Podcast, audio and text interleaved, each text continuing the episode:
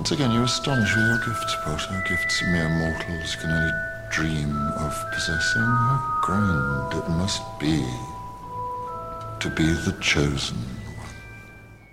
Du lytter til Harry Podcast på Aarhus Studenteradio.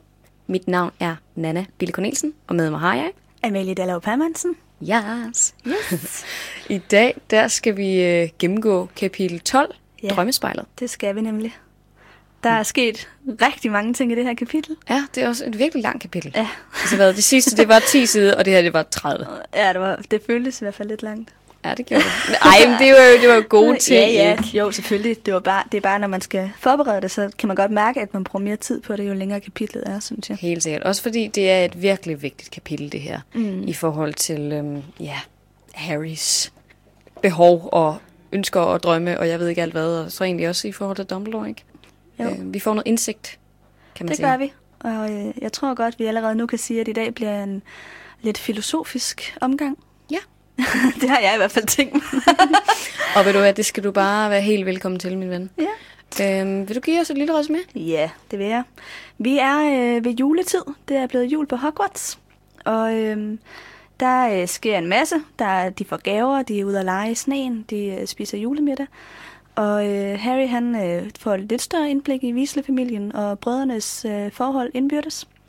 Så får han sin usynlighedskappe i det her kapitel, som jo bliver totalt øh, relevant for resten af bøgerne. Den øh, kommer jo til at spille en kæmpe rolle, som vi alle sammen ved.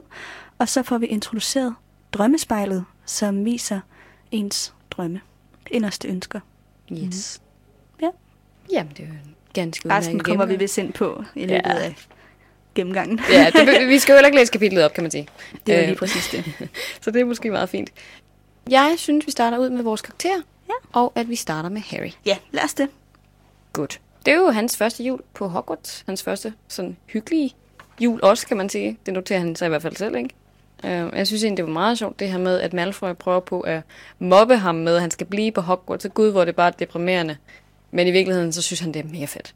Ja, Harry, det gør ikke Harry noget. Nej, han er fuldstændig ligeglad. Mm. Og så øh, sker der jo det, at han ser sin familie for første gang.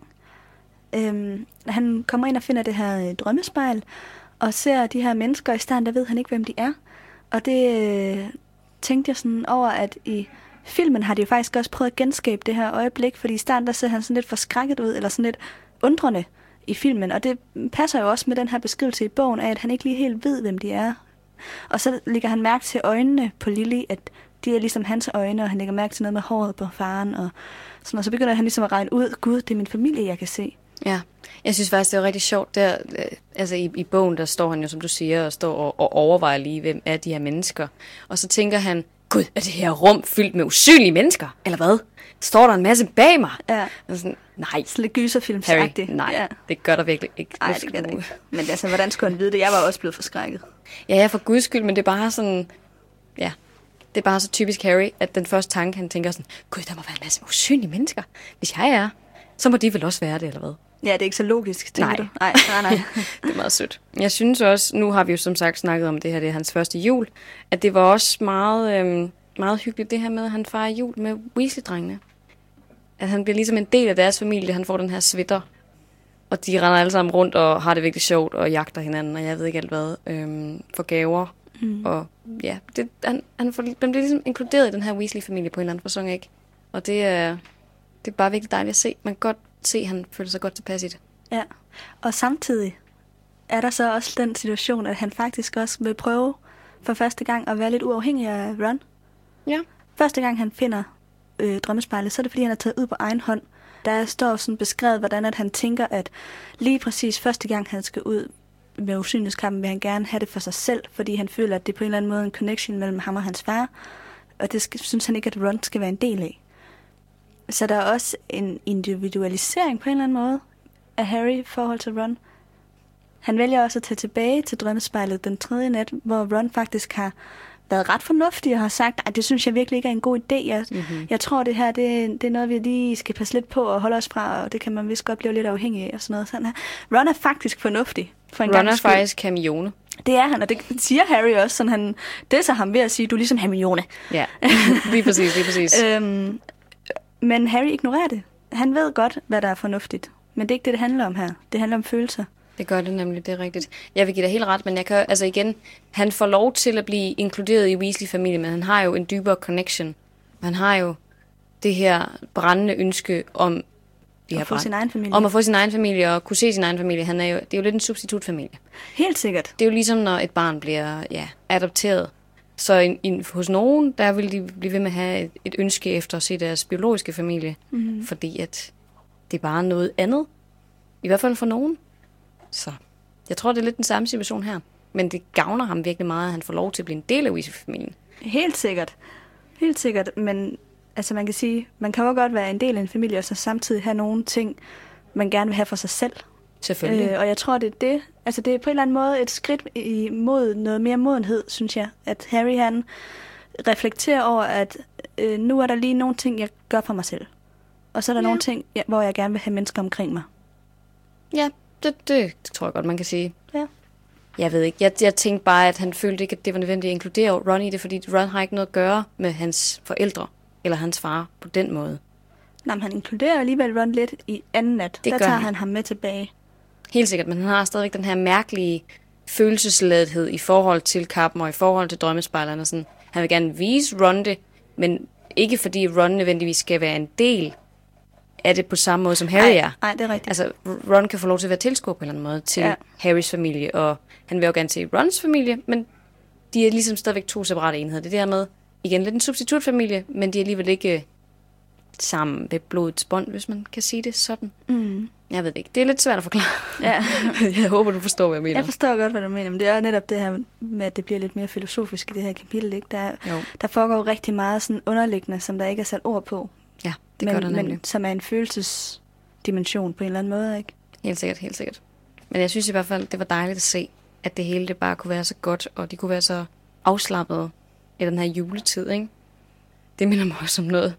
Øh, lige der i starten, hvor, at, øh, hvor de lige er vågnet op, og det, er- det er jul, og de får deres gaver.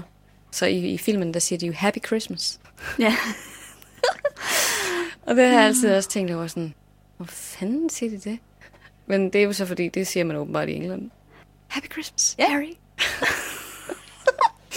Nej, det er meget hyggeligt. Det er meget hyggeligt.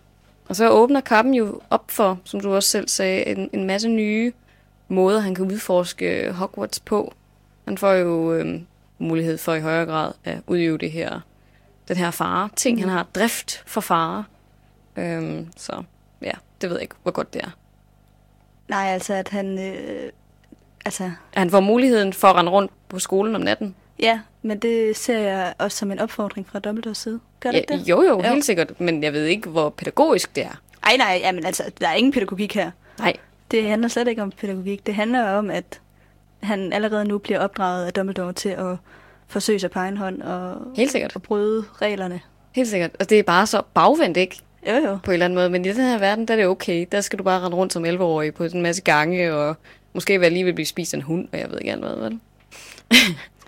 Altså, det virkede sådan... Øh, ja, nu kan det jo være, at vi går lige så stille over i Dumbledore. Ja. Men det, jeg tænkte sådan, det virkede også sådan lidt for ikke tilfældigt. Eller sådan det der med, at så lige pludselig står drømmespejlet i et Det er klasselokale. overhovedet ikke tilfældigt. Nej, det er det nemlig ikke, fordi det er så tydeligt, at Dumbledore vil have, at Harry han skal finde det. Han har valgt at gøre det her i juleferien, hvor der ikke er særlig mange hjemme på Ja. slottet. Lige præcis. Så han risikerer ikke i samme grad, at andre vil finde det her spejl. Nej, altså det var bare det, det står inde i et tomt klasselokal. Hvis det så var blevet lukket ind i en korridor, ligesom med Fluffy, ikke? hvor Harry alligevel ikke ville have noget at skulle gøre. Hvis han, havde en, han kunne da have lukket det ind, ind i den samme korridor, som Fluffy står i. Han valgte et af de værelser, der er på den gang, og så havde han sikret sig, at der ikke ville komme nogen derind. Men døren er for fanden på... Altså, den, er står åben. halvt åben, ikke?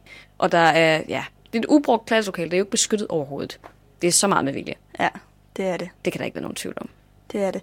Øhm, og også, øhm, altså Dumbledore har jo, sidder jo og holder øje med Harry alle tre nætter.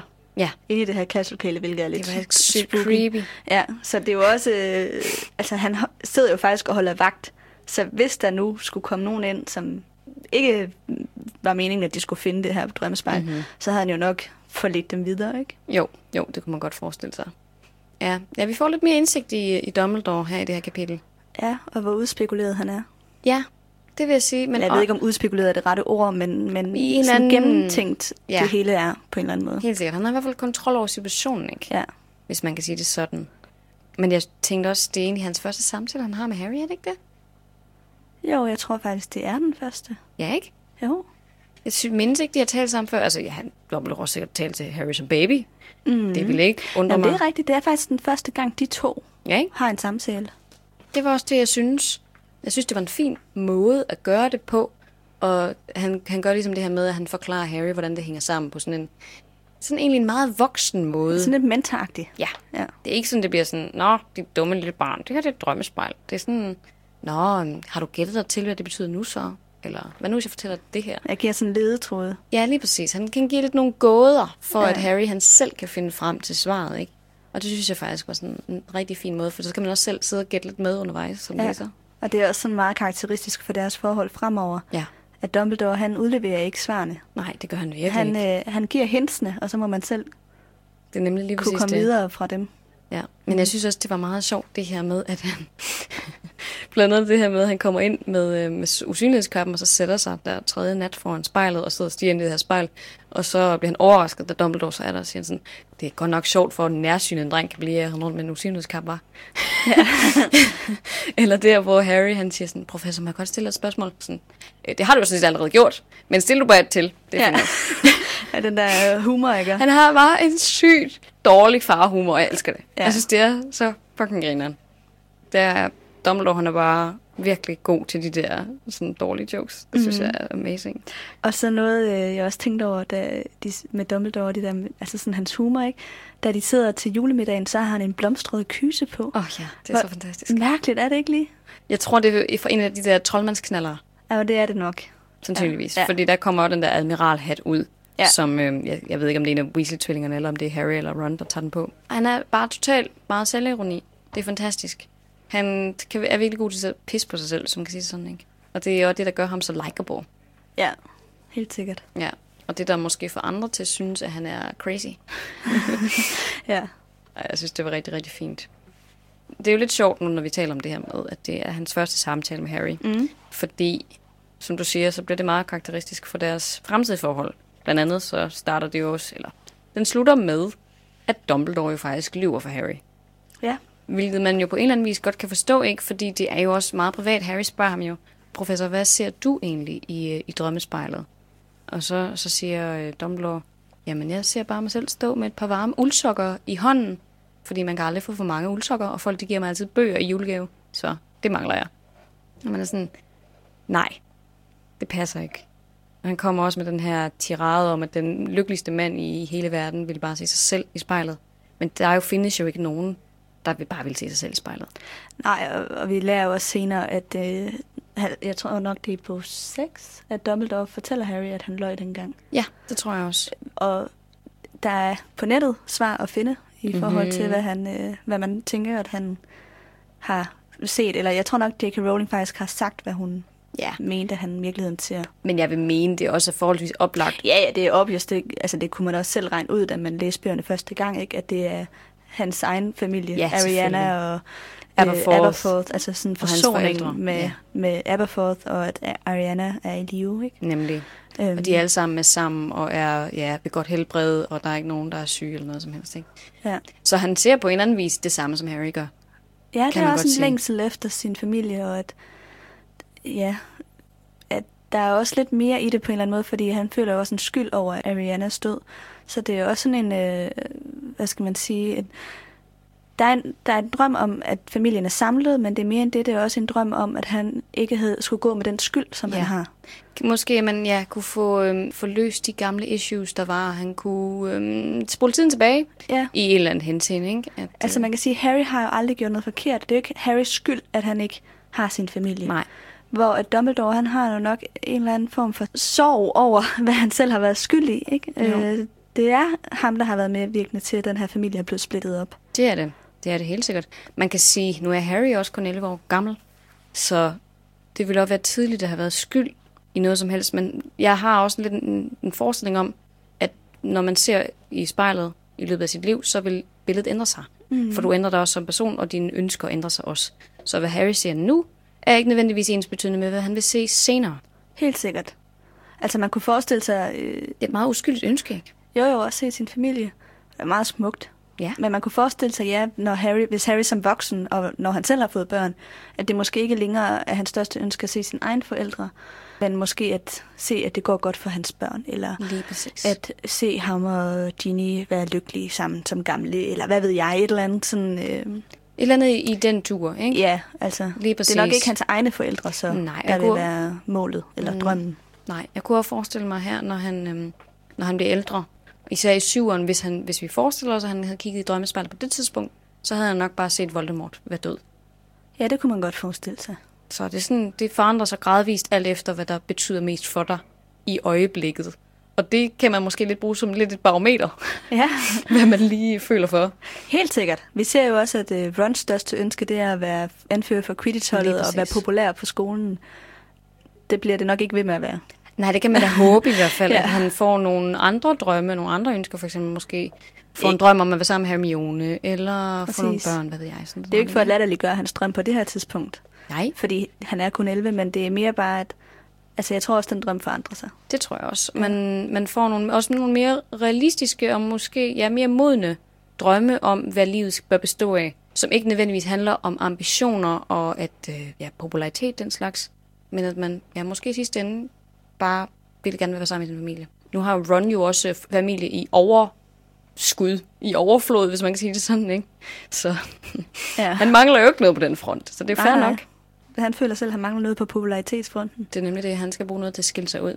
Ja. Men øhm, ja, jeg synes, det var, en, det var en rigtig, rigtig smuk scene, faktisk. Ja, det synes jeg også. Og den fik mig sådan til ind i sådan et reflekterende mode, sådan, hvad vil jeg se i drømmespejlet? ikke? Ja, Og sådan, det sad jeg også selv overvejet lidt. Ja, og det er også øh, det er lidt sjovt det her med øhm, de her billeder, J.K. Rowling bruger, både drømmespejlet, men også de der boggerter. Boggerter. Ja, Boggarts. Boggerts. Jeg ved ikke helt, hvordan man siger det. Boggarter. Jeg tror, man... Ja, Ja. boggerter. De her, der viser ens største frygt. Mm-hmm. Det er så lidt den modsatte ting, ikke? Ja. Hun kan godt lide de her ting, der manifesterer sig ud i virkeligheden, ikke? Ja, lige præcis. Hvor at jeg har sådan tænkt over, at, at mange af de ting, der gør mig lykkelig, og nogle af de ting, der gør mig bange, kan måske ikke rigtig sættes på form. Altså det er måske Nej. Nogle mere abstrakte billeder. Så det er lidt sjovt, at hun laver noget, der er meget konkret her til at vise, det her er din drøm, og det her er din frygt. Mm-hmm. Hvor at, altså, jeg tror måske, en frygt kunne være bare døden, eller sådan. Mhm. Mm-hmm. Men det er svært at, at, at vise. Helt sikkert. Eller, Eller- ensomhed. Hvordan, ja. hvordan viser man det? Med Ja. en boggart? En bokker, der bare kommer ud og ligner en selv, eller sådan, Ja. jeg ved ikke. Nej, men det er nemlig lige præcis det. Altså, det er meget, øhm, det er meget lavpraktisk. For eksempel det her med, at Neville han er så bange for Snape, ikke? Jo. At det, er sådan, det bliver endda manifesteret i en person, som han kender. Det er hans største frygt. Sådan tror jeg ikke, det er for de fleste mennesker. Det skulle da igen lige være, hvis det er fordi, du bliver mobbet. Decideret af, af en specifik person, som virkelig bare er efter dig. Så giver det jo god mening. Mm. Men for alle os andre, så er det måske nogle andre ting, nogle mere abstrakte fænomener, som du siger, som man drømmer om, men også som man er bange for i Ja, virkeligheden. en følelse, ikke? Ja. Og det tror jeg også, at drømmespejlet vil være for mange. En eller anden abstrakt følelse. Ja.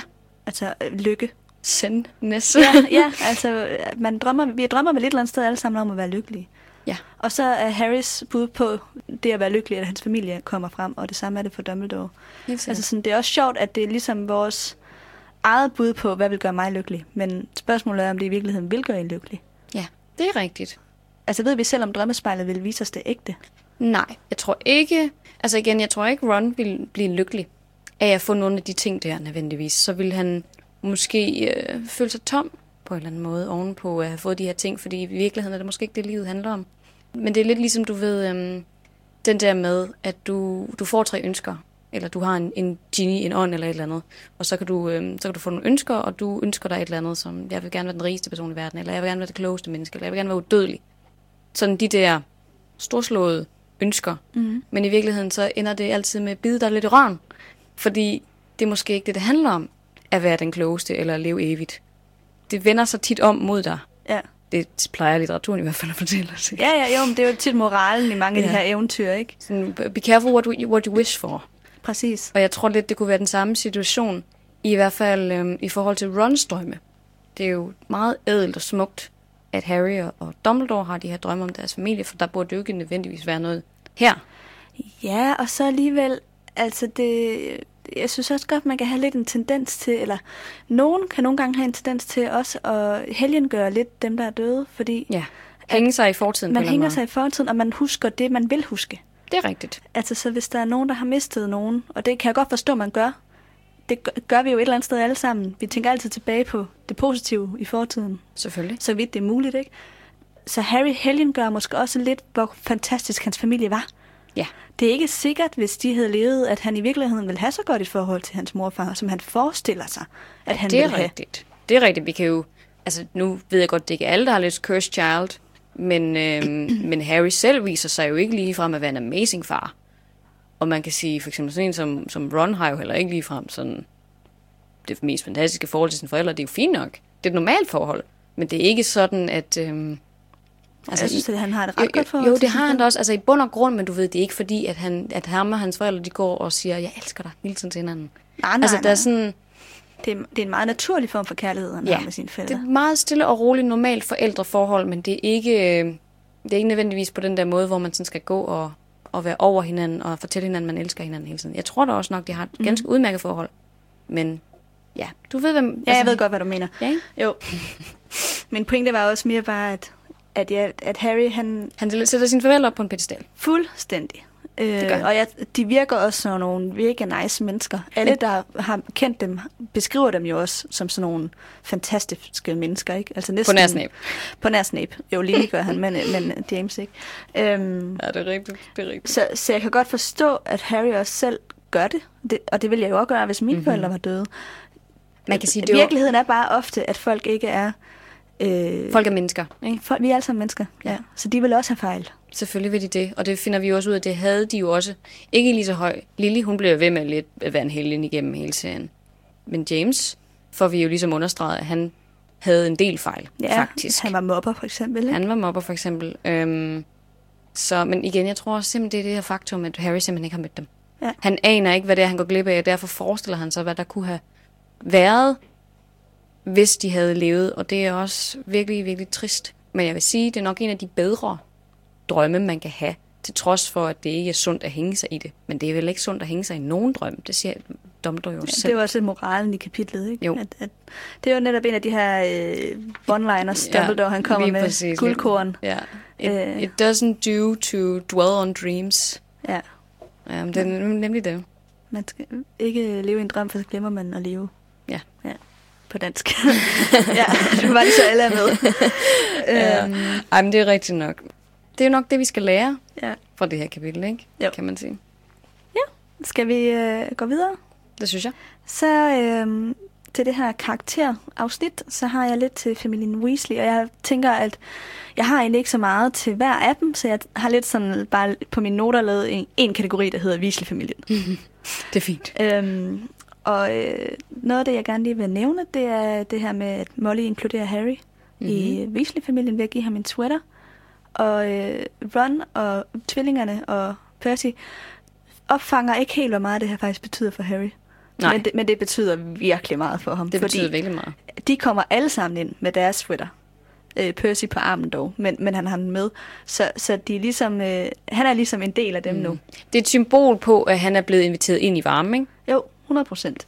Så det øh, vil jeg bare lige øh, rose Molly Weasley for. Det Helt synes jeg sikkert. simpelthen er så smukt. Til gengæld, lige en ting med den der sweater, der synes jeg altså bare, det var så grineren, fordi Fred, han siger nemlig noget Ja. om Harrys sweater. Lad mig lige prøve at se, om jeg kan finde det. Fred og George var begge iført blå striktøjer, den ene med et stort gult F foran, den anden med et G. Harrys er meget flottere end vores, bemærkede Fred og holdt Harrys sweater ud for sig. Det leder til, at hun gør sig mere umage, når det ikke er til nogen i familien. Derfor har han ligesom lige understreget, du har Men fået en du- sweater, men du er ikke med. Ja, det gør han. Du er ikke med ind i hulen. Nej. Og han mener, det er jo egentlig sødt. Det gør at sige, han. Hun har virkelig gjort sig umage med lige præcis din sweater. Mm-hmm. Men det er rigtigt. Den, den øh, hvad hedder det, backfires lidt. Øh, Det gør den lidt. Jeg tror måske på en eller anden måde, det havde været lidt, lidt rarere, hvis han ikke lige havde sagt det. Men man kan sige, det er jo rigtigt. Harry bliver jo aldrig en del af familien på den måde. Altså han blev gift med Jenny til sidst, ikke? Men han vil jo aldrig nogensinde med en Weasley. Mm-mm. Og det er jo også en, en helt okay ting. Fordi han, han er ikke en Weasley. Og han har heller ikke behov for at være det, tror jeg. Men han misunder, at de har det der brødreforhold. Ja. I forhold til Percy, så synes jeg, han var lidt interessant i det her kapitel. Nå. Fordi jeg føler, at han er lidt splittet. Han, han ser lidt sig selv som over de andre. Han kommer ind, han tager ikke trøjen på, som de andre gør. Nej. Øh, og han kommer ind og er sådan lidt sådan hovske snorske, lidt sur eller sådan muggen. Jeg tror, han synes, det er lidt pinligt på en eller anden Ja, måde. han er sådan lidt... Jeg føler, at han er lidt splittet mellem, at han vil gerne sådan, øh, være en del af familien, men omvendt føler han også, at han er lidt bedre end familien. Det er måske også, fordi man er farvet af, hvad man ved, der kommer til at ske senere. Mm-hmm. Øh, men han vælger alligevel at være med i snibboldkampen, og han vælger også at hygge øh, med de andre i stuen om aftenen, og han hjælper Harry med skak. Mm-hmm. Det synes Harry så er irriterende, men altså, jeg tror egentlig, Percy han gør det for at bonde lidt med Harry, eller hvad Ja, man skal det sige. tror jeg også. Det Øhm, tror jeg også. Jeg ja. tror måske bare, man skal se det lidt på som sådan en klassisk, nu er jeg blevet voksen, og derfor gider jeg ikke hænge ud med min familie. Eller i hvert fald ikke, jeg behøver ikke have det her sådan meget visuelle symbol på, at vi er en del af familien, sådan som den her sweater jo er. Mm. Det er jo meget tydeligt. Se mig, jeg er en Weasley. Mm. Øhm, så på et eller andet punkt kan man måske godt forstå ham.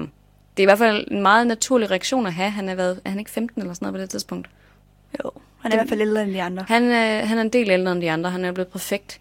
Så han har... jeg er vejleder.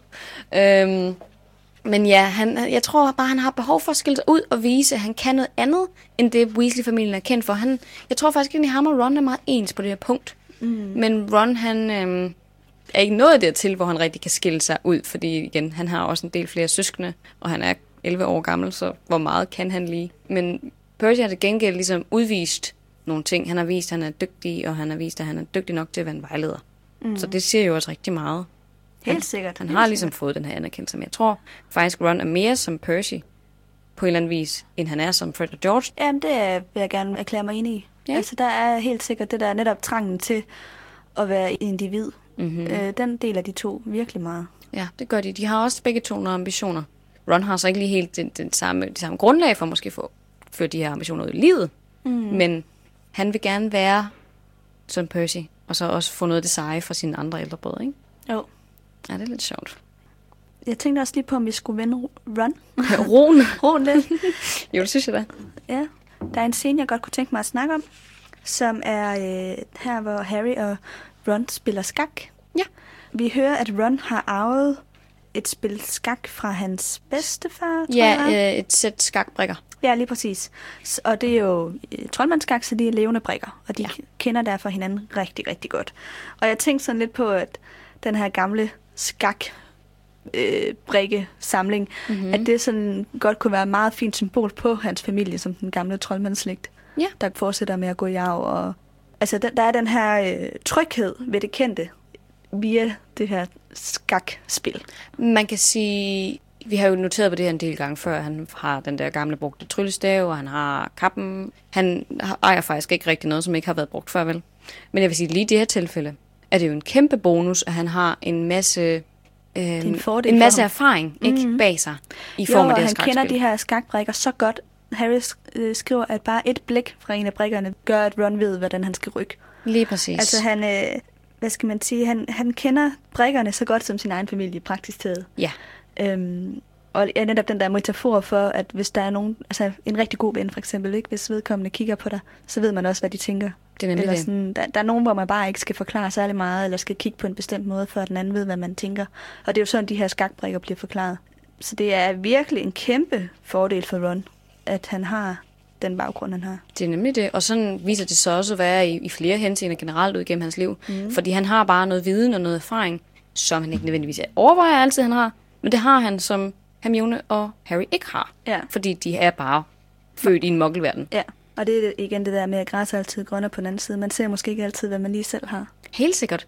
Og det er faktisk egentlig sjovt, nu når vi taler om det her forhold til Ron. Ja. Han bliver jo dybt fascineret af den der 50'er, Ja, som er Harry får af, af familien ja. Dursley. Og sådan, gud, er det penge? Og nej, hvor spændende. Og sådan har han det også generelt ud gennem serien med telefoner, og jeg ved ikke alt hvad. Han synes, det er så sjovt. Så det, det er bare sådan, som du siger, græsset er grønnere på den anden side. Det er mere spændende, det man ikke kender. Mm. Uanset om, hvem der så synes, det er sådan lidt random. Ja, At man kan blive fascineret af en 50'er. ja. Jamen, det er rigtigt. Det er sgu lidt sjovt. Jeg tror ikke nødvendigvis, der er mere til karakteren nu så. Er det det? Jeg er en sidste sjov ting. En sidste sjov ting. Øh, og det er, at... Ej, jeg ved ikke. Øh, de får julegaver her. Og Harry og Ron får begge to en julegave af Hermione. Ja. Men de har ikke købt nogen til hende. Nej, det er rigtigt. Ej, jeg havde bare lidt ondt af hende, da jeg læste. Harry han bliver helt overrasket over, at han overhovedet får gaver, så vi kan vel regne ud, at han nok heller ikke selv har tænkt på at købe nogen til andre. Nej, det er rigtigt. Og der står, at Ron og Harry ikke udveksler gaver. Ja. Men de får begge to fra Hermione. Ja, det er faktisk rigtigt. Jeg havde, jeg havde faktisk også tænkt, at det var meget sjovt, det der med, at Harry han får de der platuler, og øh, Ron han får multismagsbønder, ikke? Hvilket minder mig om, at det ikke er en af de der platuler, hvor de faktisk finder Nicolas Flamel. Mm, jeg tror nok, at der står, at Dumbledore, det er den, han finder på toget, øh, hvor han får det der kort. Jamen, det gør der også, ja. Men, men jeg mener, er det ikke fordi, de netop spiser de der platuler, og så finder de kortet igen med Dumbledore og læser det det? kan godt være. Det finder vi ud af i næste kapitel. Okay, sorry. Ja, det, det er rigtigt. Jeg tror også, at du husker, jeg tror, du husker helt ret. Ja, ikke? Jo. Men det er rigtigt. Hun er, sådan, hun er bare så betænksom. Og drengene, de er bare sådan, Nå ja, Nå, giver vi gaver? skulle vi gøre det, eller hvad? Det er bare så typisk. Ja. Har du ikke også selv prøvet det? Jo. At have en gave med til nogen, og så er det, fordi man troede, man var på gavefod, og så, nå, det var vi ikke. Men det gode er jo så nu, at når man er så voksen som vi er, så siger man, giv vi egentlig gaver? Og så siger den anden person, øh, nej. Nå. Ja, ja, så kan man aftale det. Ja, ja, det var meget sjovt. Og igen, det siger rigtig meget om karaktererne. Noget andet, der også siger meget om karaktererne, det er jo det her med øhm, i starten af kapitlet, hvor de søger efter informationer om Nicolas Flamel. Hvor der står, at Hermione, hun er bare dybt struktureret, og hun laver lister, og hun sætter listerne op efter temaer, så det er rigtigt, ikke har forsøgt efter, mm. ham her Flamel, ikke? En Finde ud meget af- systematisk Hun er tilgang. meget systematisk. Hun er sådan, ja, hun er sådan en rigtig akademiker. Mm. Øhm, og så Ron, han render rundt mellem reolerne, og så tager han bare nogle bøger ud, hister her, og sådan, gud, er der flamel her, ikke? Nej. Og sådan fortsætter han, han ligesom. Og så Harry, som det første, så stiler han efter den forbudte afdeling, ikke? Ja. Og det er bare, det fortæller så meget om dem. ja.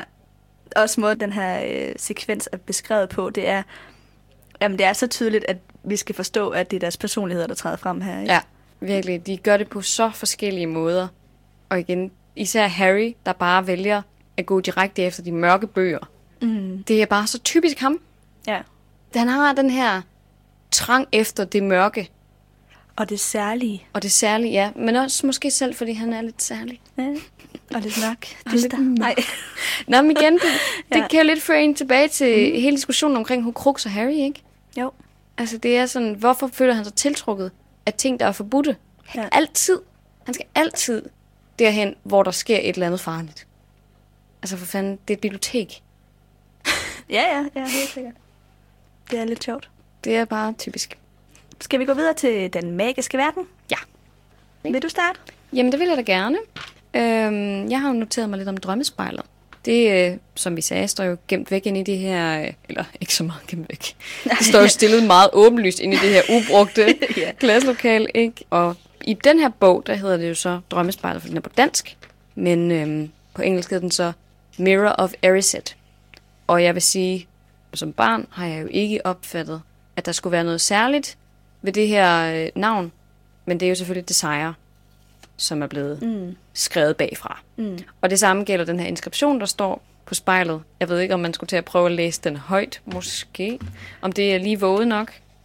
Øhm, lad mig lige prøve at se, om jeg kan finde det. Øhm, ja.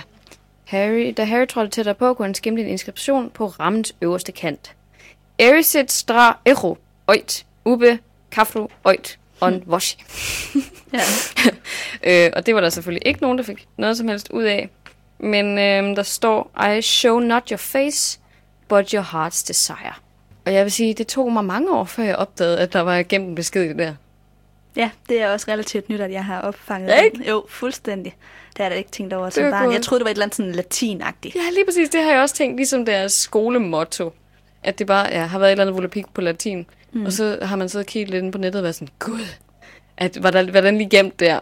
Præcis. Og det er jo faktisk ret obvious, at selvfølgelig kan man da bare læse det bagfra. Ja, det, men det er jo nok også fordi, at man tænker i danske baner, ja. eller hvad man skal sige. Ikke? Jeg har jo ikke lige tænkt over, at det var noget på engelsk. Nej, det vil sige, det er altså heller ikke fair. Så skulle man næsten have, også have kaldt det spejlet af Erised, hvis inskriptionen skal mm. være på engelsk.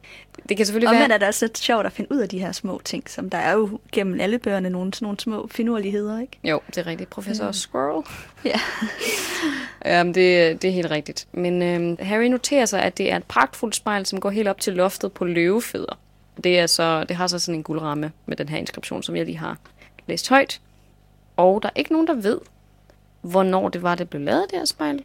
Øh, der er heller ikke nogen, der ved, hvordan det kom ind på Hogwarts. Nogen tror måske, at øh, der er nogle lærere, der har haft det med fra deres rejser. Men der er reelt ikke nogen, der ved noget om det her spejl. Og øhm, det virker lidt som om, at det er lavet lidt som, som lidt en sjov gimmick. Men det er ikke helt lige til at vurdere, om det er sådan lidt med noget ondskabsfuldhed, eller om det er sådan bare helt uskyldigt. Fordi Dumbledore, han siger jo netop også det her med, der er rigtig mange mænd, der er synet hen foran det her spejl, fordi de simpelthen ikke har kunne forstå, om det viste fremtiden, eller hvad fanden det var, det ja, betød det der billede. Fuldstændig, fuldstændigt opslugt af, af drømmen. Ja, nemlig er blevet gal i hovedet af at sidde og kigge mm. på, hvad de kunne have. Så det er jo ikke, det er jo ikke nødvendigvis en god ting, rigtigt. Nej, jeg tror, at Dumbledore synes, at spejlet er farligt. Ja, det tror jeg også, han synes. Øhm, for nogen, sådan som Ron, han har jo forholdsvis let ved egentlig at rive sig fra det.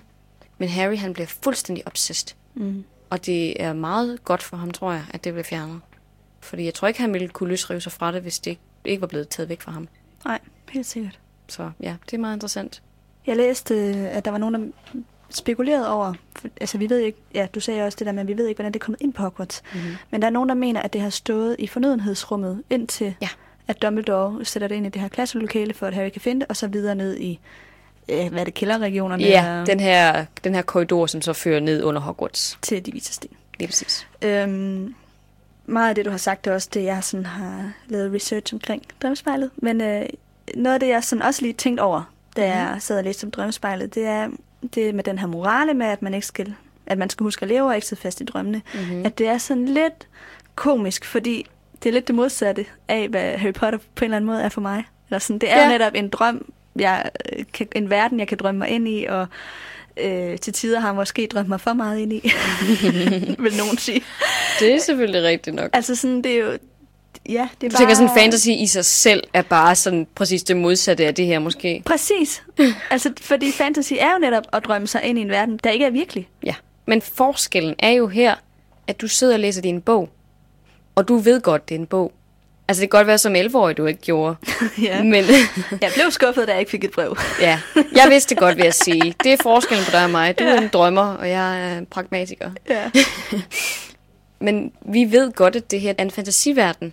Men Harry ved ikke, at det er en, en fantasiverden. For ham kunne det faktisk godt forekomme. Eller det drømmer han i hvert fald om, for nu har han jo fået at vide, der er en magisk verden, og der er nogle muligheder, som der ikke var i moklerverdenen. Kan det så også betyde, at mine forældre kan komme tilbage? Mm.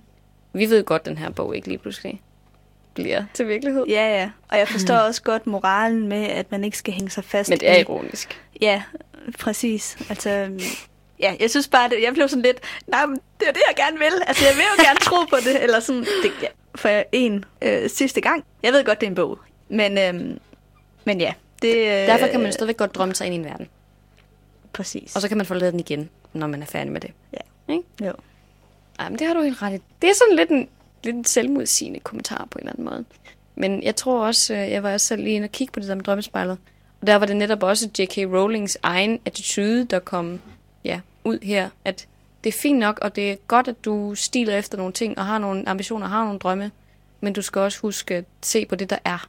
Mm. Hvordan realiteterne faktisk er. Man skal ikke bare stile og stile og stile og følge sin drømme, for der er også noget andet, ikke? Mm. Jeg er glad for det, man har. Nemlig. Mm. Ja, men det, er også, det er jo helt sikkert en meget smuk morale eller tanke. Ja, det er de her bøger jo fyldt med. Ja. Kan man sige. Og det er altid Dumbledore, der kommer med. Hvilket er, hvorfor har det min yndlingskarakter? Uh, en sidste ting, jeg lige tænkte over med drømmespejlet, det er den her uh, formulering med mange mænd er synet hen foran det. Og det fik mig til at tænke på, uh, har det ikke samme virkning på kvinder? Øhm, det er faktisk sjovt, du siger det, for jeg havde faktisk overvejet det samme, om det var lidt sådan en... Øhm, ja, sådan gåde ting, ikke? At netop i formuleringen, at der så var, nå, men det er så kun mænd, det her, det sker for.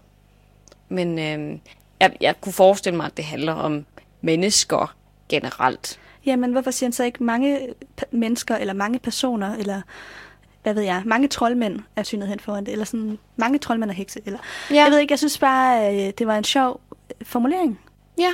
Jeg, jeg stussede lidt over den, fordi det fik mig til at tænke, på de der, øh, hvad de hedder, de der sirener ude i vandet, ja. som kun virker på mænd. Øh, om det er lidt det samme med drømmespejlet, at det, den kun har en effekt på mænd. Jamen, det kan det godt være. det er heller ikke sikkert, at der overhovedet er tænkt noget som helst med mm-hmm. formuleringen. Der var bare så mange oplagte andre formuleringer af mange mennesker. Eller, Jamen, det er rigtigt, man men, sige, men vi, man kan sige, vi har jo også set i andre værker, for eksempel i, øhm, hvad hedder det, jeg tror det er Lord of the Rings, der findes ikke den mand i verden, der kan slå mig ihjel, og så ender det med, at det er en kvinde, der slår. Ja. en af de her monstre ihjel i stedet for, ikke? Øhm, det kan være, det er lidt den samme ting, at, at det netop faktisk decideret kun handler om mænd. Men det kunne også bare være en oversættelsesting. Altså, Ja, jeg har faktisk ikke lige tjekket den engelske oversættelse, hvad der står der. Om Nej. der står der humans, står eller stikker hvad der der også man. Altså, det vil, ikke, det vil ikke overraske mig, men det er jo også, du ved, den her generalisering med at, tale om mænd som ja, hele mænd mennesker. er, mand er mennesket, eller hvad Nemlig. hedder. Humankind is mankind, eller hvad Ja, man siger. er ikke? nemlig lige præcis det. Ja.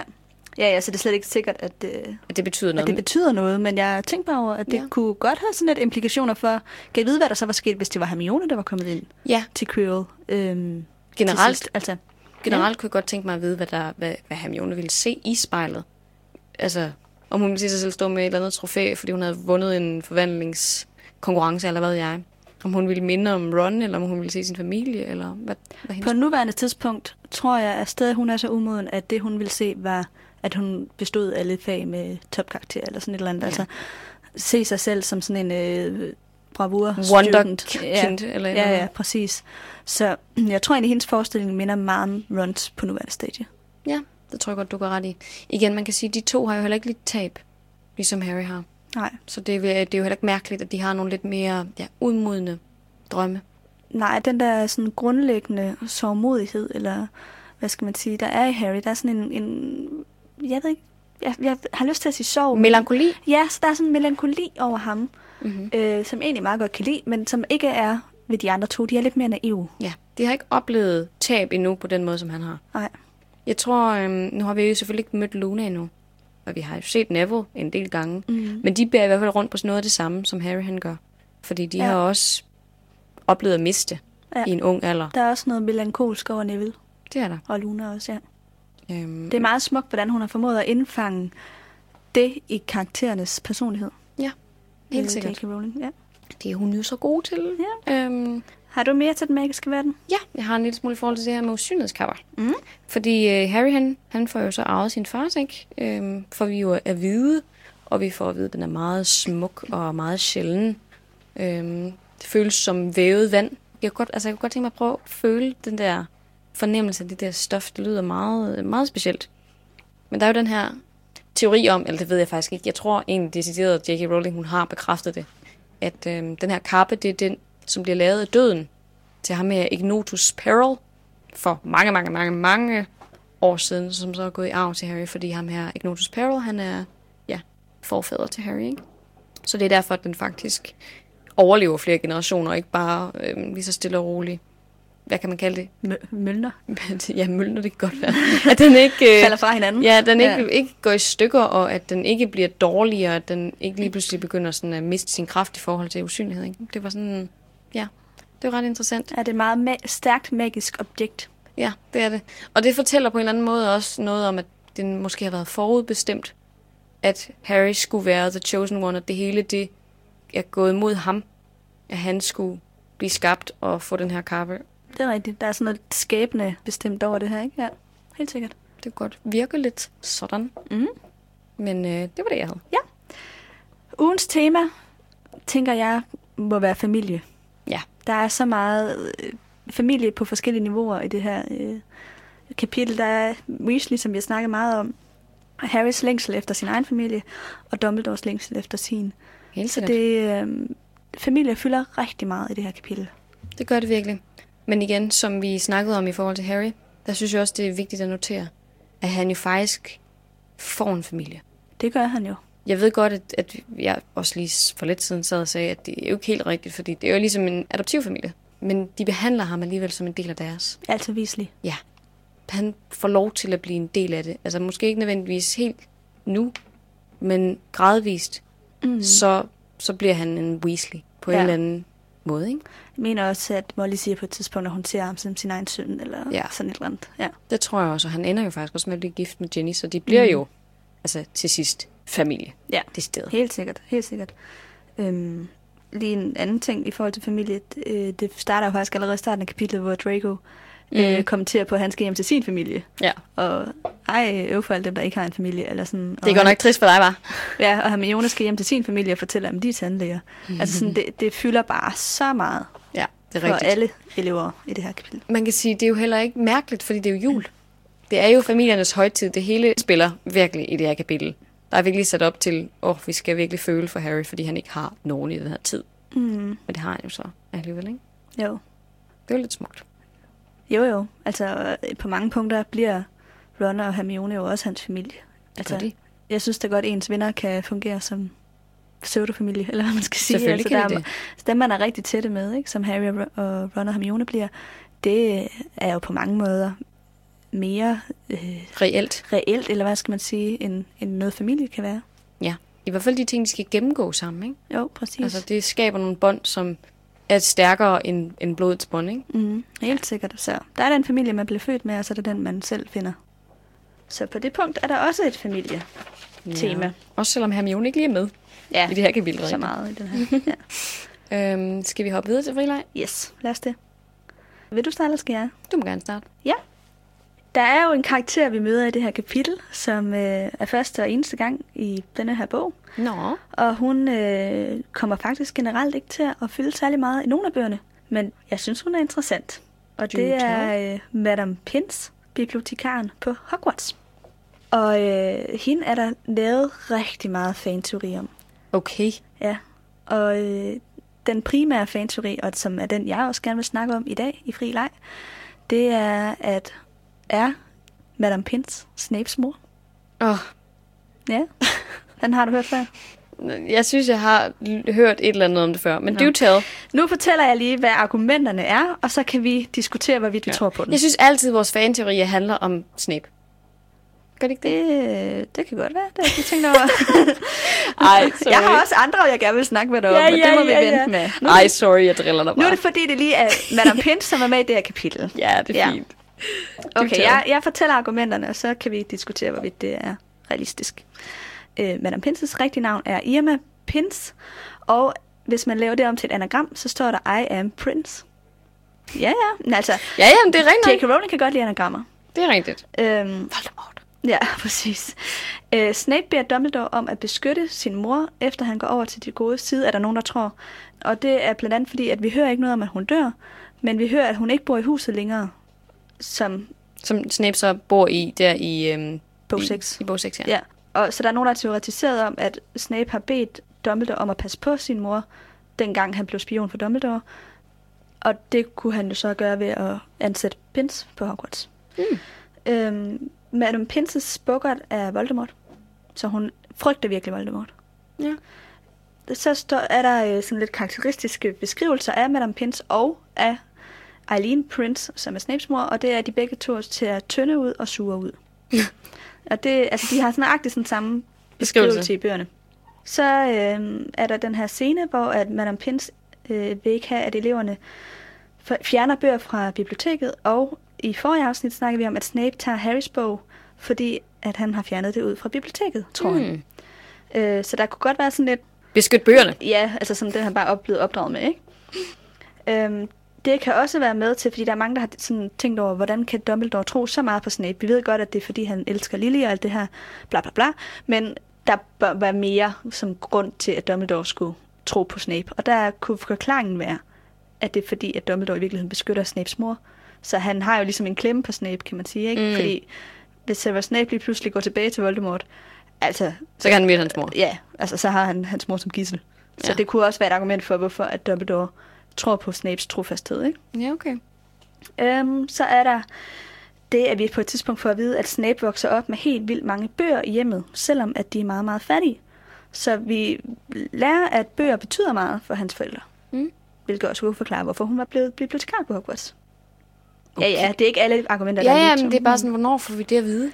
Det kan, kan jeg ikke huske. Det får vi at vide på et eller andet tidspunkt. Fordi at, Jeg tror, det er måske det er bog 6, jeg er ikke sikker, men hvor vi får beskrevet huset, som Snape opholder sig i, at der er bøger fra væg til væg eller sådan noget. det er selvfølgelig rigtigt, men det kunne jo også bare være, fordi han er Altså, det- fordi den beskrivelse, vi har fået af hans forældre, som vi, mm. som vi får senere, ikke med, at de råbte meget, der var meget vold i hjemmet, og faren var, ja, ondskabsfuld, og, og moren var generelt sådan afstandstagende og sådan noget. Det lyder ikke som om det kunne være en familie, der havde huset fyldt af bøger, umiddelbart. Også fordi faren var mokler. Altså, Ja, ja, ja, ja. Det er jo netop også derfor, at det så skulle være moren, der havde alle bøgerne. Ja, det er selvfølgelig rigtigt. Og var bogligt interesseret, og derfor blev bibliotekar. Ja, ja.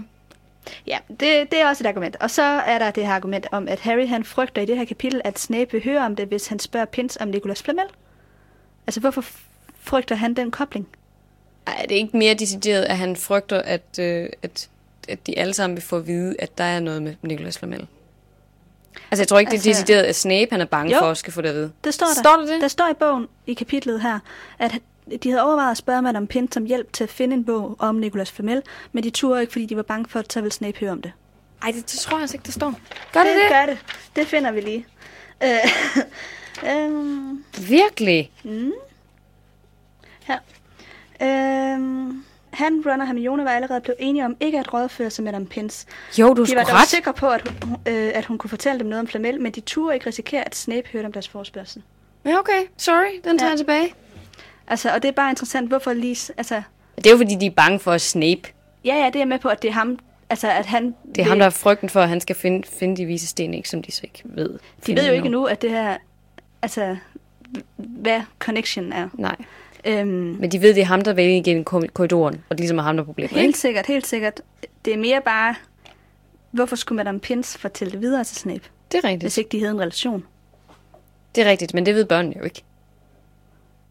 Altså uanset Nej, hvad, så vil men børnene det, jo ikke Altså, der er jo nogen, der mener, at det er et, et hint fra Ja. øh, J.K. Rowlings side, ikke? Ja, ja, selvfølgelig, selvfølgelig. Øhm, og så er der den sidste argument, som er, at Irma på latinsk betyder complete, og Dumbledore siger, I trust Snape completely.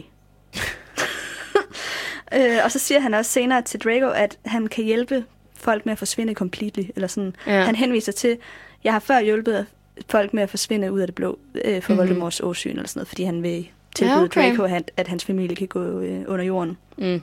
Og der siger han, det har, det har jeg hjulpet andre med før. Ja, okay. Så øh, allerede der ved vi også, at det kunne godt være noget, han havde hjulpet nogen med. Ja. Jamen, det er rigtigt nok. Nå, men det er alle argumenterne. Det er alle argumenterne. Okay. Altså, jeg vil sige, der er, det er jo faktisk nogle ret gode argumenter. Ja. Det, altså, især det der med, I am Prince. Mm. Fordi igen, den har vi jo har hørt brugt før i forhold til I am Lord Voldemort. Ja. Og det er jo så et anagram for, ja, Romeo gået dit liv. Jeg kan ikke Ja. huske, hvad hedder han på. Detlev. Dit liv. Hvad, nu, Junior. hvad siger du? Junior. Junior. ja. Hvad nu han hedder på engelsk? Tom Riddle. Nå ja, det, hedder han ikke noget mere? Øh, Tom... Tom Detlev Riddle. Ej, jeg kan faktisk ikke huske det. Nej, det er jeg lidt kan, pinligt. jeg kan heller ikke huske det. Men det bliver i hvert fald til I am Lord Voldemort, ikke? Ja, jo. Men altså, det, det er jo et rigtig godt argument, og igen også, at hendes navn ligger så tæt op af.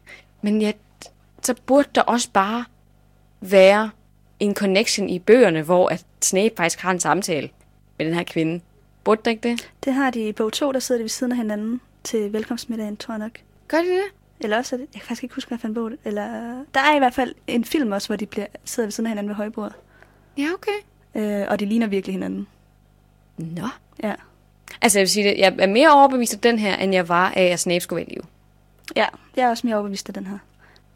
Det jeg, må jeg, jeg må sige. indrømme, at jeg tror faktisk på den her. Jeg synes, der er mange hints, som kunne have noget med det at gøre. Eller, altså, Det er især rigtigt. fordi, at noget af det, som jeg virkelig har øh, haft svært ved at forstå, det er Dumbledores sådan, fuldstændig tillid til Snape. Jeg, ja. jeg synes, at det var for tyndt, at det kun skulle være på grund af Lily. Ja. Altså, jeg vil sige, lige i forhold til det med tillid, der tror jeg bare, at Dumbledore han er rigtig, rigtig god til at læse folk. At han, han beslutter sig for, okay, nu ved jeg så tilpas meget om dig, og jeg ved, hvad du har været udsat for, og jeg, jeg kender dine tanker i forhold til de her ting. Så nu ved jeg, at jeg har dig 100%. Mm-hmm. Jeg, jeg tror ikke, han behøver at have en leeway. Jeg tror ikke, han behøver at have et gissel. Nej. Hvis man kan sige det sådan. Det kunne jeg ikke forestille mig om, om Dumbledore. Men jeg tænker også bare sådan, elskede Snape virkelig sin mor så højt, at han ville gå til de længder for at beskytte hende. Altså jeg ved godt, at han følte sig mere som en prince, end han gjorde en, en Snape, fordi han kalder også sig selv for Half-Blood Prince, ikke? Mm-hmm. Men Altså, den slægt betyder i hvert fald noget for ham. be- ja, det betyder i hvert fald mere end hans Snape-del, hans muggle-del. Altså, vi ved jo, at hans far Tobias ikke var særlig rar. Ja. En rar mand. Så det er måske meget naturligt, hvis han har fået et stærkt bånd til sin mor. Ja. Jo, men det er rigtigt nok. Altså, der er nogle gode argumenter. Også det her med, at vi ikke hører noget om, at hun dør. Altså, hun forsvinder bare Men sådan er det jo med mange mennesker. Det er rigtigt, men det er bare, jeg synes bare godt, at man kan argumentere for, Hvorfor hun skulle være i live. hvorfor hun skulle være i live, og Ja. hvordan at hun er blevet kommet, altså kommet under jorden. Og også det der netop med, at Dumbledore siger, at jeg har før hjulpet folk ja. med at gå under jorden. Jeg vil så sige, at det er et sygt dårligt sted at sende hende under jorden. Øh, Fordi for hun er lige ved siden af sin søn. Ja, yeah, men Altså, hvis man decideret skulle få nogen til at forsvinde, så skulle man vel få dem til at flytte til et andet land.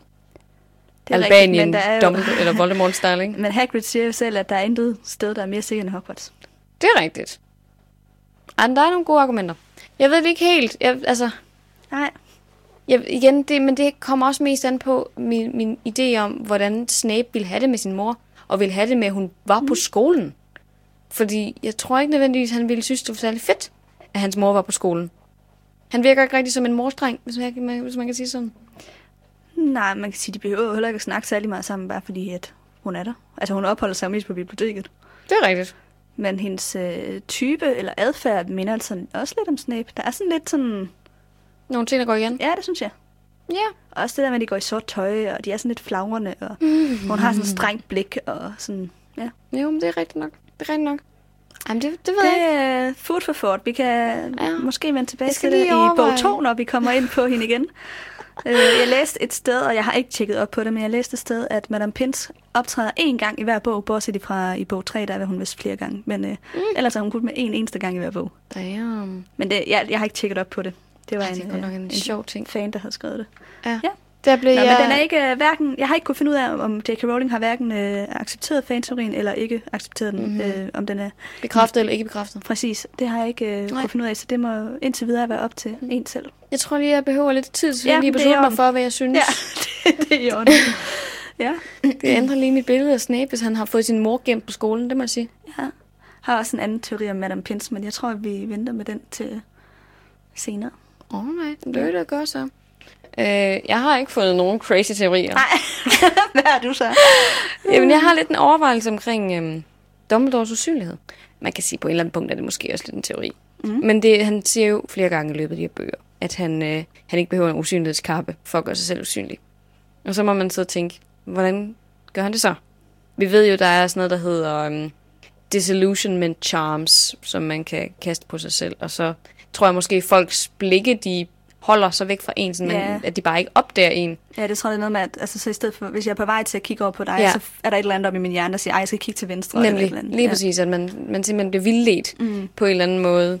Øhm, men så var der en, der jeg havde fundet en, øh, et essay omhandlende Dumbledores usynlighed, hvor der var en eller anden, der havde forestillet sig, hvad nu hvis, at det fungerer lidt ligesom at være en metamorph magus, ligesom tongsager. Mm. Hvad nu hvis man genetisk kan arve evnen til at være usynlig på en eller anden måde? Ah. Altså, det er jo ikke sikkert, at man kan. Men der var skrevet et, øh, et meget langt, fint essay om de forskellige argumenter for det. Øhm, og der er jo blandt andet det her med, at Dumbledore han jo faktisk kan se folk som usynlige. Og så at han optræder som usynlig flere gange, som du selv sagde. Han har siddet alle tre nætter inde i det der lo- lokale, og så kigget på Harry. Ja, det er virkelig Og, creepy. og det må jo også, det kan jo godt betyde, at han har været usynlig Ja. flere steder Ja, ja. i løbet af bøgerne, øhm, end bare lige der. Det vil også forklare, hvorfor han ved alt om, hvad der foregår. Det er nemlig det, hvis han bare tuller rundt inde på slottet, usynlig, bare sådan, uh, der står der lige nogen, der kysser. Ja. Spændende, spændende. Du ved ikke, bare Ja, rundt og er usynlig. Og har Han- styr på alt, hvad Draco laver i bog 6 det er nemlig Ja. det, fordi han har jo, gen, altså det er lidt ligesom den der med, øhm, hvad vil du gøre, hvis du er usynlig, når som du går ind til i pigernes opklædningsrum eller sådan et eller andet, ikke? Det, det, det, gør han måske lidt det samme, render bare rundt på Hogwarts og observerer sådan alt, hvad han lige føler for. Så har han i hvert fald noget at bruge sin tid på, kan man sige. Vi ved også, at han er fascineret af det at være usynlig, fordi han, det var ham, der lånte usynlighedskappen ja. i sin tid. Det gjorde han, og han havde jo ikke brug for den. Nej, Så man kan sige, at det er jo også på en eller anden måde lidt ham, der er skyld i, at, at James faktisk dør. ja. Fordi han netop... Altså, jeg ved ikke, om de ville kunne nå at være stukket af under den der usynlighedskap. Det ville de nok ikke. Nej, jeg er heller ikke sikker på, at James havde brugt den, selvom Nej. han havde den. Nej, det tror jeg heller ikke. Så han havde i hvert fald Max kastet den over Harry og måske Lily, ikke? Mm. Men jeg kunne også forestille mig sådan som Voldemort. Hvis han kan flyve, så kan han sikkert også se ting, som er usynlige. Hvis det vel at mærke er en besværgelse. Eller hvis det er en evne, så er det måske noget andet. jeg tror ikke, at han kan se øh, nogen under usynlighedskappen. Voldemort? Ja. Nej, men hvordan kan Dumbledore? Altså spørgsmålet. Fordi Harry tager den af ind i rummet. Gør han ikke det? Jo, men jeg tror flere gange, at, at Dumbledore han faktisk finder Harry, mens han er usynlig, og så opdager han er der. Lidt på samme måde som, øhm, du ved, Madame Norris-katten. Ja. Den kan også godt mærke, at der altså, er nogen... der er jo den forklaring, som er en anden fanteori, at Dumbledore er døden. Ja. Og hvis Dumbledore er døden, så if- ifølge den teori, så er døden jo også lidt, øh, har jo nogle andre evner. Jamen, det er selvfølgelig rigtigt. Men hvorfor skulle døden rende rundt på en skole? Altså, jeg tænker, Ja. er det ikke mere sådan på et rent metaforisk Jo, niveau, at jo, jo, det er Dumbledore det. Det er, er det. altså sådan symbolsk set, mm. at Dumbledore er døden. Han er vel ikke døden personificeret, der render rundt på Hogwarts. Det er lidt creepy i hvert Det ville være sygt creepy, hvis, hvis... Ja. Ja, så kan jeg ikke så godt lide ham mere, nej. tror jeg.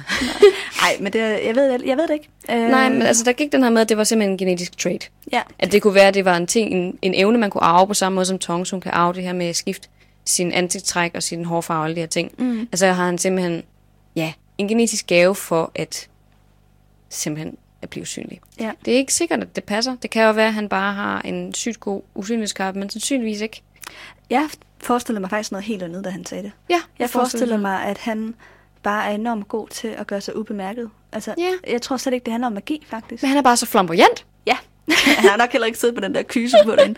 Jeg forestiller mig, at han har taget noget mørkt tøj på, og så har han siddet over i et hjørne, og så har han siddet musestille og kigget, uden at sige en eneste lyd eller ryg på sig. Ej, sådan ninja-agtig. Ja. Ej, det tror jeg, det kunne jeg bare ikke forestille mig, Dumbledore gør. Jeg tror seriøst bare, han sidder, og så har han bare total, øh, ja, rubinrøde gevanter på, og sidder med sådan højhældet sko på, og sådan, la da, der er ikke nogen, der opdager mig. Men altså, jeg tror ikke, jeg kunne virkelig ikke forestille mig, at han kunne finde på at snige sig rundt. Det tror jeg ikke. Så skulle det i højere grad være, fordi han simpelthen bare er så god til at lave de her usynlighedsbesværgelser, at der er ikke nogen, der har nogen chance for at opdage ham.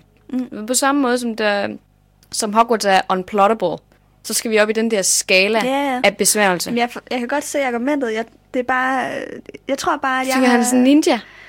Ja, altså jeg tror det måske, fordi jeg engang læste en bog som barn, hvor der var en, der kunne formå at gøre sig usynlig uden brug af magi. Altså det var en, Ja. øh, det var, øh, Så sidder han lige sådan op i Jørgensen. det var øh, hvis der er nogen, der har læst Lene Kårebøls serie med Skammerens datter, ja. så øh, hendes far i bog 3, han, han har jo netop den her evne med at få folk til Ikke at se ham. Ikke at se ham. Og jeg tror, det er det der med, at han bare falder ind i mængden. Eller sådan. Ja. Han, han, er ikke, han formår ligesom... Øh, lidt, form- lidt en listetyv, ikke? Ja. Altså formår ligesom at... Snige sig ind i et rum på sådan, sådan en måde, at, at der ikke er At nogen folk opdager ikke ham. opdager vedkommende. Men åh, det er bare... Jeg kan slet ikke forestille mig sådan Dumbledore sniser. Kan du det? Jeg tror, han har siddet der, inden Harry kommer ind i rummet. Ja. Det tror jeg også. Men så har han bare sådan siddet lige skjult af sådan et stoleben eller et eller andet, eller hvad? Han har, ja, han har Siddet under et bord. Jeg tænker, han har siddet over i en skygge. Ja. Plus, det er jo mega mørkt, skal vi tænke på. Ja, ja, selvfølgelig. Så øh, Det har... Jeg kan bedre lide, hvis han kunne gøre sig usynlig. ja, det ville være mere okay. cool. Ja, ja, men det er fair nok. Jeg, jeg holder stadig på, at det ikke er magi, men, øh, Nej. men listetyvs-tricket. Så han simpelthen bare sniger sig rundt Ja. i sin højhælsko. ja, det var han nok taget af. ja. Ja, okay. Ej, men øh, god diskussion lige at Ja. have. ja, ja, helt sikkert. Og så, øh, så synes jeg, det var lidt sjovt, det her med øh, igen. Nu er Filch lige ved fange Harry, ikke? Som han plejer at være. Det er jo ikke overraskende. Men det der med, at han så finder Snape straks og siger, du sagde, jeg skulle sige til, hvis der var nogen, der sneser rundt om aftenen og sådan noget. Og siger de, ja, oh nej, jeg ved, hvem dæmonen er, og vi skal bare fange dem og sådan noget. Og det, det er jo så der, hvor det måske havde været oplagt at sige, vi skal bare fange Quirrell. Mm. Ikke? Altså det er sådan, der står endda dem, i stedet for at sige ham eller hende. Mm. Det var, det var bare sjovt at tænke sådan, ved Filch godt, hvem det er, vi snakker om? Ja, det ved jeg ikke. Altså, det, det er jo sjovt, som Snape og Filch har et eller andet forhold, ikke? Jo. Øhm, det ved faktisk ikke, hvor meget Snape har indvidet Filch i. Altså, s- han viser ham det med benet, som vi snakker ja. om i et andet kapitel, ikke? Og han ved godt, at Fluffy findes, og han ved godt, det er Fluffy, der har skadet Snape, og at Snape har været op ved Fluffy. Ja. Altså, okay, nu, nu deler jeg lige den anden fan-teori om Madame Pince, ikke? Men det er, at øh, der er også en teori om, at Madame Pince og Filch er i et romantisk forhold. Mm. Ja, det er lidt ulækkert. Men altså, eller det ved jeg ikke, om det er ulækkert, men det, jeg ved ikke... Øh, Det er i hvert fald Det er sådan lidt- specielt. ja, det er, ikke, det er ikke lige noget, man har sådan tænkt over, vel? Nej. Øh, men ifølge den teori, kunne det måske godt forklare, hvorfor at Snape og Filch har så til Fordi et forhold. han er sådan lidt hans far. Det er lidt pseudofar. Mm. Ja. Den, det, uh, det dækker jeg ikke lige helt. Men fair nok. Ja. Altså, god nok tanke, men... Mm. Nej, jeg ved ikke. Man bliver lidt creepy ud, men, øhm, men det virker i hvert fald som om Filch ved, mere, end man lige umiddelbart forestiller sig. Altså det kan mm. da være, at han faktisk ved, at de vise sten er der. Men, Ja. men så er spørgsmålet igen, ved alle lærerne godt, at Quirrell er et problem? Fordi det ville også bare være så dumt, hvis alle havde fået at vide, by the way, Quirrell render rundt og vil gerne have fat i sten. Det giver heller ikke mening, vel? Nej, jeg, Så- ved, jeg ved det ikke. Nej, jeg, Nej. jeg er bare sådan, at... Selvfølgelig ved Snape det godt. Snape Ja. ja. ved godt, der er et problem. Ja. Og Dumbledore ved godt, der er et problem. Men det er bare den måde, som Filch er med på i det her, i den her lille alliance. Det får det bare til lidt at lyde som om, at altså enten så godtager han bare alt, hvad Snape siger, uden at han får alle informationer, eller også så ved han decideret, at de leder efter ikke? Mm. Men det er nok mest sandsynligt, at han ikke ved det. Jeg tror, at Snape holder kortene tæt til kroppen. Ja. Men hvis han ved det, kan det være fordi, at Madame Pinter ham har et romantisk forhold. Og han er hans far. ja. Og de snakker Tobias. Snape. Og Tobias Snape er jo mokler. Ja. Så Filch ikke? Ja. Altså han er jo fuser. Ja. ja. Det kan være, hun har noget for ikke-magiske mænd. Det skal godt være. Morgen. Ja, ja. Ja. Ej, det var lidt sjovt. Øhm, og hvad havde jeg? Jamen, så havde jeg lidt en overvejelse i forhold til det der med Voldemort, at øh, han får jo smidt snibbold i fjeset i det her kapitel. ja. Det er jo Fred og George, der øh, får hækset nogle snibbold i starten af det her kapitel, og kaster dem efter Quirrells turban. Så det skal man bare lige grine lidt af, når man når det til i bogen. Ja. Det Det er en sjov scene. Ja, det er ret genialt lavet. Og så tror jeg faktisk egentlig, det var det. Ja. ja. Så øh, har jeg lige en sidste ting, og det er en op, øh, hvad hedder sådan noget? Oplysning. Opfølgning. Opfølgning. Øh, det var den her hjemmeside, jeg henviste til sidste gang, og sidste gang igen, som var lidt... Øh, som gik ind i de, alle de her symbolikker, man kunne finde i Harry Potter. Kult. Øh, Jeg kaldte den kult. Øh, det ved jeg ikke, om det er. Men øh, hvis man har lyst til at se mere fra den hjemmeside, så hedder den harrypotterforseekers.com. Mm. Altså oversat til dansk Harry Potter for søgere, men det er en engelsk hjemmeside. Ja. man sidde og hygge sig derinde. Ja. Finde teorier om enlightenment. Hvis man har lyst. Hvis man har lyst. ja. Man kan også høre os snakke om det i stedet. Mm. Øhm, men ja, så er det vel egentlig bare at gå direkte til vores quote. Ikke? Ja, citattid. Simpelthen. Øhm, jeg har fundet et. Ja. Som jeg gerne vil sige, som vi har sagt flere gange allerede. Øhm, og det er selvfølgelig, øh, man kan ikke eksistere en drøm, for så glemmer man helt at leve. Husk det. Det var jo moralen for kapitlet, kan man sige. Det kan man sige. Ja. Og så vil vi selvfølgelig, som altid, sige, øh, gå ind og give os nogle anmeldelser. Ja. Ja. Give os nogle stjerner. Og tak til alle dem, der har gjort det. Og tak til alle dem, der har gjort Der det. er mange, der har taget opfordringen og gjort noget og, og gjort det. Ja, lige Ja. præcis, lige præcis. Og det er rigtig dejligt, og som sagt, så bliver vi så mega glade. Ja. Også hvis I skriver til os øh, med spørgsmål. Det er jo ikke altid, vi lige får sådan svaret mega ud- udførligt, men det er, det er dejligt at få nogle, nogle beskeder i ny og næ. Mm. Så øh, tak for det. Og så øh, har vi snakket om lidt, og på et tidspunkt lavet lidt om i de her segmenter, så øh, vi måske tager noget andet i stedet for karaktererne eller den magiske verden eller noget. Altså prøver at, at lave lidt øh, nyt. Mm-hmm. Så hvis I har nogle forslag, så er vi meget åbne. Det er vi i hvert fald. Øhm, og så tror jeg bare, vi skal sige tak for i dag. Ja. Tak for det, Amalie. Tak for i dag, Nana. Once again, you astonish with your gifts, Potter. Gifts mere mortals can only dream of possessing. How grand it must be to be the chosen.